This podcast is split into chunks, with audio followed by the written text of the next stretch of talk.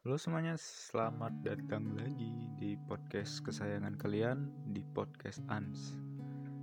Nah, kali ini gue nggak bakalan ngobrolin apa-apa karena capek.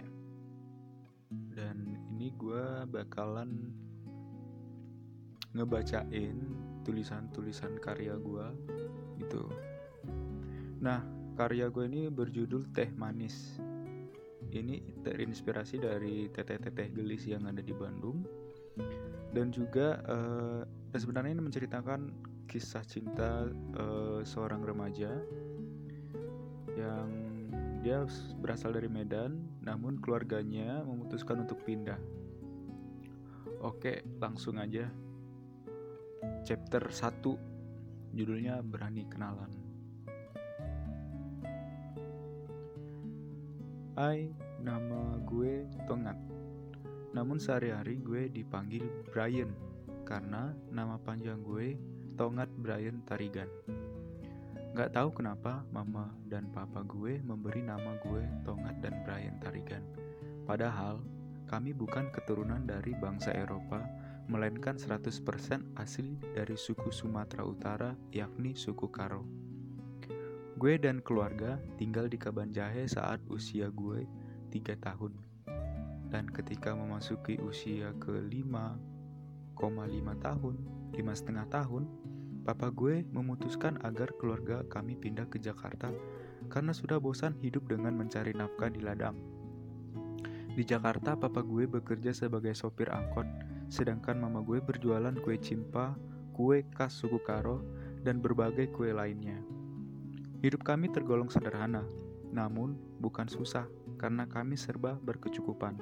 Bisa dikatakan hidup keluarga kami adalah keluarga yang paling bahagia di dunia jenis apa pun. Setelah menginjak kaki di SMA, di sini mulai kisah hidup gue yang penuh dengan drama, aksi maupun kriminal. Gue bukanlah anak yang nakal dan bukan juga anak yang rajin. Gue biasa aja, namun memiliki semangat yang tinggi untuk menggapai cita-cita. Gue bercita-cita menjadi pengusaha yang bergerak di bidang jasa seperti papa gue. Dan mimpi gue akan gue capai ketika gue sudah lulus kuliah nanti. Namun kata teman-teman gue, masa SMA adalah masa yang paling dikenang masanya ketika tua nanti. Oleh karena itu, jangan disia-siain ketika masih di SMA. Saat itu juga gue terhasut oleh teman-teman untuk mencoba hal-hal yang baru, seperti tawuran, cabut dari sekolah, ngerjain guru, godain ibu guru cantik, berjemur di lapangan bendera, lompat jongkok, kelilingin sekolah, dan masih banyak kegiatan yang gue lakuin demi mengenang masa-masa di SMA sampai-sampai gue pindah sekolah karena sekolah sudah tidak sanggup menangani kelakuan gue. Gue sih cuek aja, karena gue mikirnya apa yang gue lakuin adalah demi masa-masa SMA yang teman-teman gue pernah bilang. Di sekolah, di sekolah yang baru, gue nggak usah nyari temen karena teman-teman gue adalah teman-teman dari sekolah lama gue. Dan banyak yang risih karena kehadiran kami. Sampai-sampai salah satu geng di sekolah baru gue yang terkenal akan kegarangannya datengin gue dan teman-teman di kantin sekolah. Mereka memiliki ketua geng yang tergolong paling sangar dan ditakutin, namanya Bobby. Bobby berkata, "Lo, lo pada anak baru kan di sini?" Terus gue bilang, "Udah lama, udah dua hari kami sekolah di sini." Terus Bobby bilang, "Eh, nyocot lu ya? Lu berani sama gue? Berani?"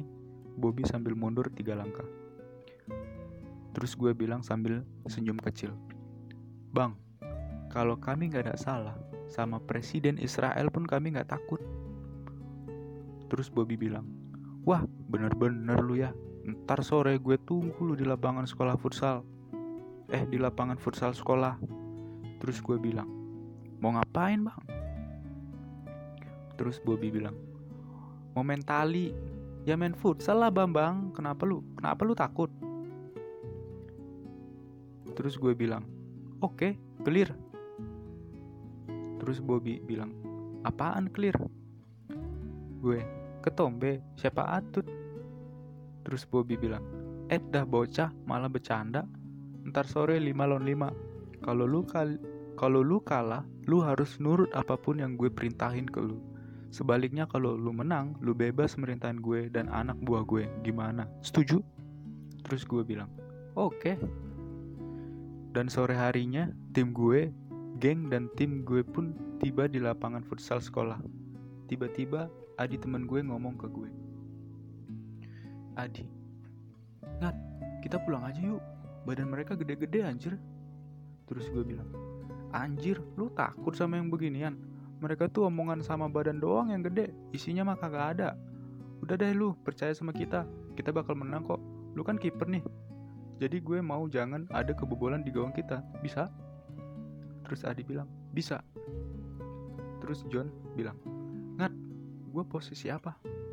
Terus gue bilang, Lu kan biasanya center back, gue tengah, Supri sama Jack di depan. Eh, semuanya sini ngumpul, strateginya gini ya. Di babak pertama, kita main seperti kita main di sekolah lama kita. Kita menggunakan strategi Sir Alex Ferguson. Nanti kalau kita sudah mencetak gol ketiga, strategi kita berubah ke Mourinho. Semua paham? Lalu tim gua bilang dengan seretak, "Ya." Tiba-tiba Bobby datang. "Eh, lu anak baru. Nama tim lu apaan?" Gue, "Tim Blues Devil." Terus Bobby bilang, Anjing, nama apaan tuh? Mana ada hantu biru?